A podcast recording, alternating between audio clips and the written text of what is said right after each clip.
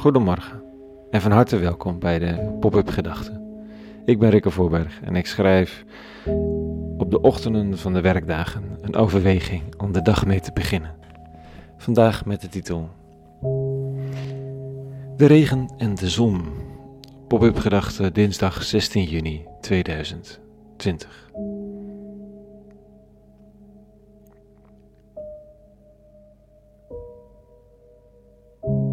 Het maakt niet uit wat je gedaan hebt, hè. De zon komt wel op. En of je nou je fatsoenlijk in het leven hebt opgesteld of niet, de regen raakt je toch. Je zit heus als te mopper op de fiets waarom die regen jou nou weer moet hebben. Net nu je onderweg was naar iets belangrijks, of iets aardigs, of, of wat dan ook.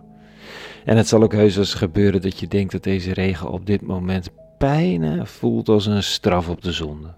Je had ook niet zo roekeloos moeten zijn, of je had ook niet zoveel ruzie moeten maken met die of die, zie je wel. Toch, als we er even over nadenken, verwerpen we het verband tussen meteorologische omstandigheden en onze persoonlijke sores en goede handelingen meteen. We weten wel dat er iets meer speelt dan enkel een godheid met een douchekraan die hij al dan niet uitzet om jouw mores te leren of van een verfrissend regenbuitje te voorzien. Op grote schaal is er verband, natuurlijk, tussen het beroerd handelen van, behandelen van de aarde en haar verdroging of verzilting, de extreme weersomstandigheden en handelingen van de mens als geheel. Maar individueel is het vooral bijgeloof.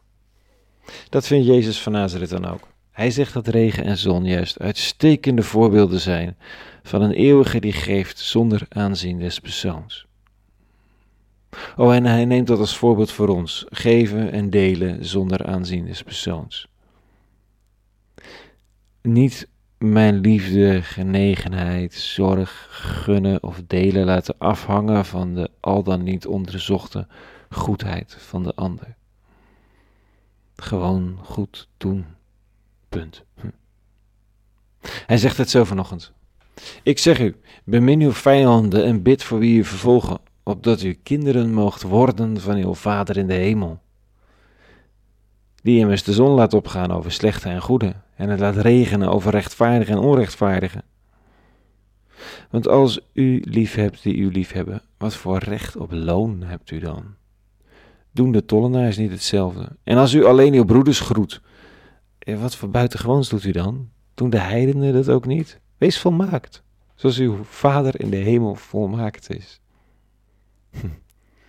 Hop, we doen het niet voor minder. Wees volmaakt. Het is toch bijna grappig. Elke therapeut krijgt hele dikke pukkeltjes op zijn arm van zo'n uitspraak. Dat zeg je toch niet? Wees volmaakt. Dan heb je de mensheid meteen op de divan met een dijk van een burn-out. Het volmaakt zijn is hier, context natuurlijk, de conclusie. Er heeft wel eens iemand gezegd dat het hier gaat om heelheid. Uit één stuk zijn. En in dit geval heel specifiek, als de zon en regen zijn over slechte en goede, rechtvaardige en onrechtvaardige. Er moeten mensen zijn in deze wereld die niet alleen hun vrienden lief hebben en voor hun familie zorgen.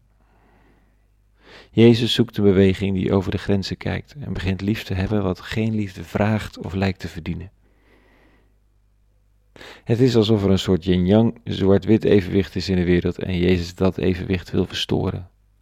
Ten goede het wordt tijd dat de lichte tonen van het yin-yang gebeuren zich gaan ontfermen over de donkere tonen.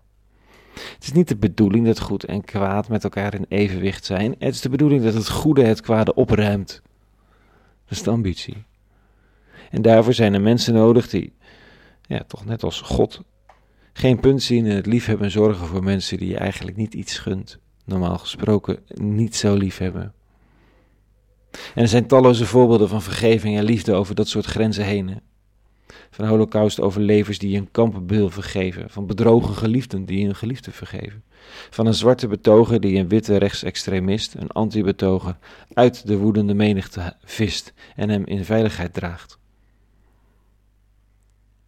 Goed, misschien is Yin Yang nog wat te optimistisch en is het licht een stuk kleiner dan het hardnekkige donker. En is het zaak om aandacht te besteden aan het licht. En het licht niet op te sluiten in het licht, maar actief grenzen te overschrijden en lief te hebben, wat geen liefde lijkt te vragen of te verdienen. Omdat liefde niet gaat over verdienen, maar over gunnen en geven. Omdat het volmaakt in zichzelf is en geen tegenprestatie verwacht. Dat je zelf zo wordt geliefd, is de kerngedachte van christendom. Met daar de directe uitnodiging bij om zo ook lief te hebben. Gewoon vandaag, straks. De rest van de 24 uur. Gewoon eens wat proberen, er en der.